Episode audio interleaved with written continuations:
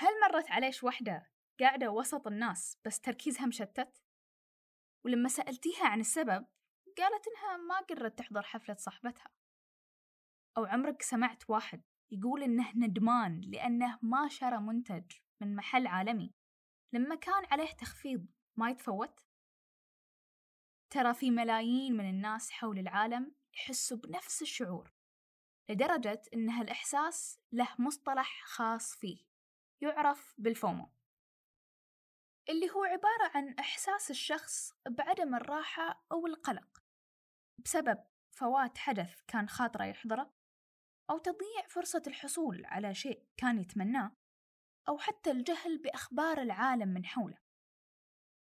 ويعود أصل كلمة فومو للغة الإنجليزية وهي اختصار لأول حرف من كل كلمة في جملة fear of missing out والتي تعني باللغة العربية الخوف من فوات الأشياء وش علاقة الفومو بمواقع التواصل الاجتماعي؟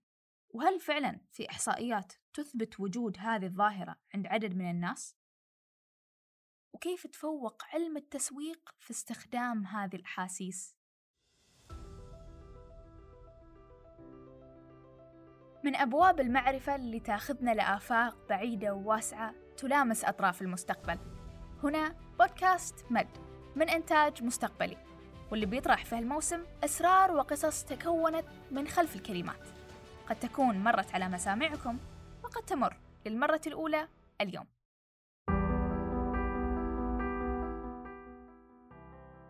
فكرة أنك تندم على تفويتك لتخفيض موجودة منذ القدم لكن مؤخرا اللي فجر عندنا هالأحاسيس هو ظهور مواقع التواصل الاجتماعي. حسب استبيان أقيم في الولايات المتحدة الأمريكية عام 2013 من قبل موقع mylife.com فإن 56% من بين 2000 بالغ أجابوا بأنهم يفتحوا مواقع التواصل باستمرار عشان ما يفوتوا الأحداث الجديدة. مواقع التواصل. المكان اللي داخله تقدر تشوف وتسمع وتقرأ عن كل شي فاتك أو ممكن يفوتك سواء كانت جمعة أصدقائك أو هبة اقتناء الآيفون الجديد. في الحالة الأولى ممكن يكون الشخص قاعد في حفلة زواج ولد خالته بس في ذات الوقت أصدقائه كلهم متجمعين في مكان آخر. فيتولد عنده الإحساس بأن اللي صاير في المكان اللي هو مو فيه قاعد يفوته. وهالشي يؤدي به إلى فتح السناب عشان يخفف إحساسه بأن الفعالية فاتتة. وخليني أنوه على فكرة أنه مو بالضرورة يكون هذا الشخص متضايق لعدم وجوده بين أصحابه لكن هو فقط يبغى يصير في مكانين في ذات الوقت.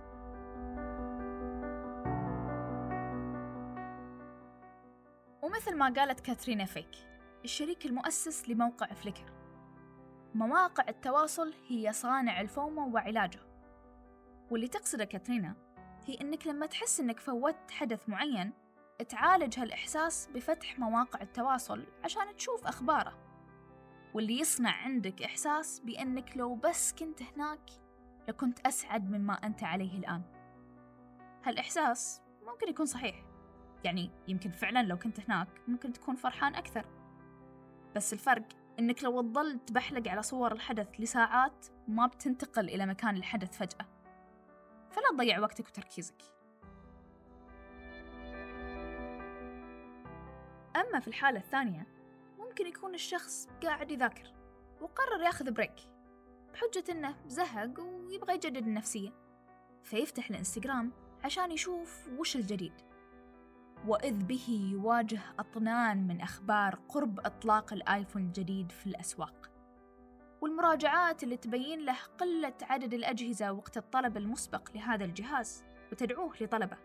وأكيد توثيق أول المشترين للحظاتهم الأولى مع هذا الجهاز الوليد الخارق والرهيب والفريد من نوعه. إلى أن يحس بأنه محاصر بفكرة شراء هذا الشيء لأنه ما يبغى يفوت الهبة. في الحالة الأولى الخطأ هو كونه يبغى يقسم تركيزه على مكانين. وفي الحالة الثانية الخطأ أنه قاعد يحاول يتبع توجهات أقرانه الشرائية بدون قناعة شخصية.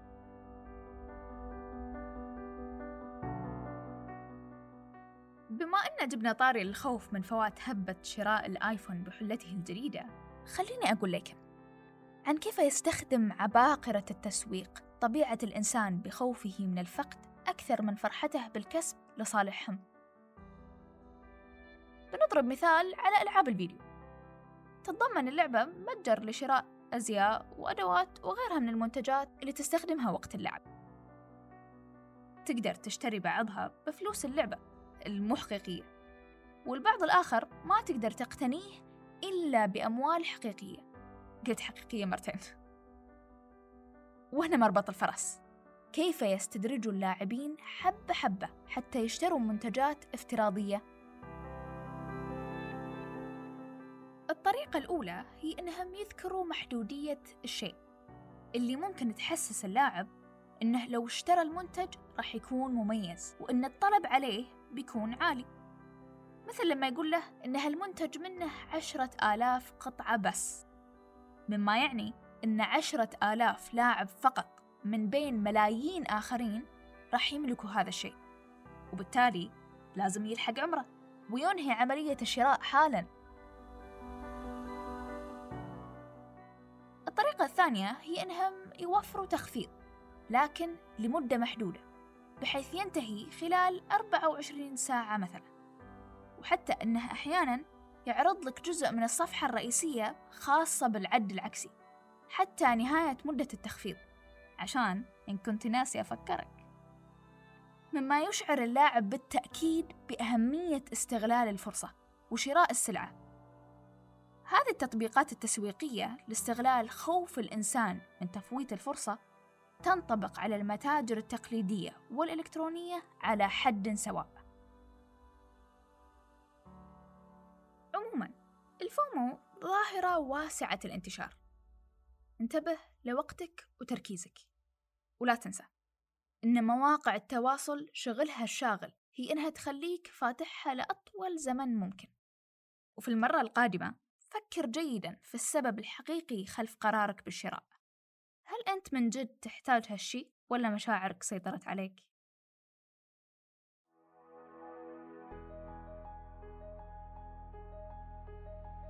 شارك الحلقة مع شخص يحب علم النفس وإذا تعرف أحد وياه الفومو ارسل له رابط الحلقة. لا تنسى تتابعنا على مواقع التواصل الاجتماعي. حساباتنا في خانة الوصف.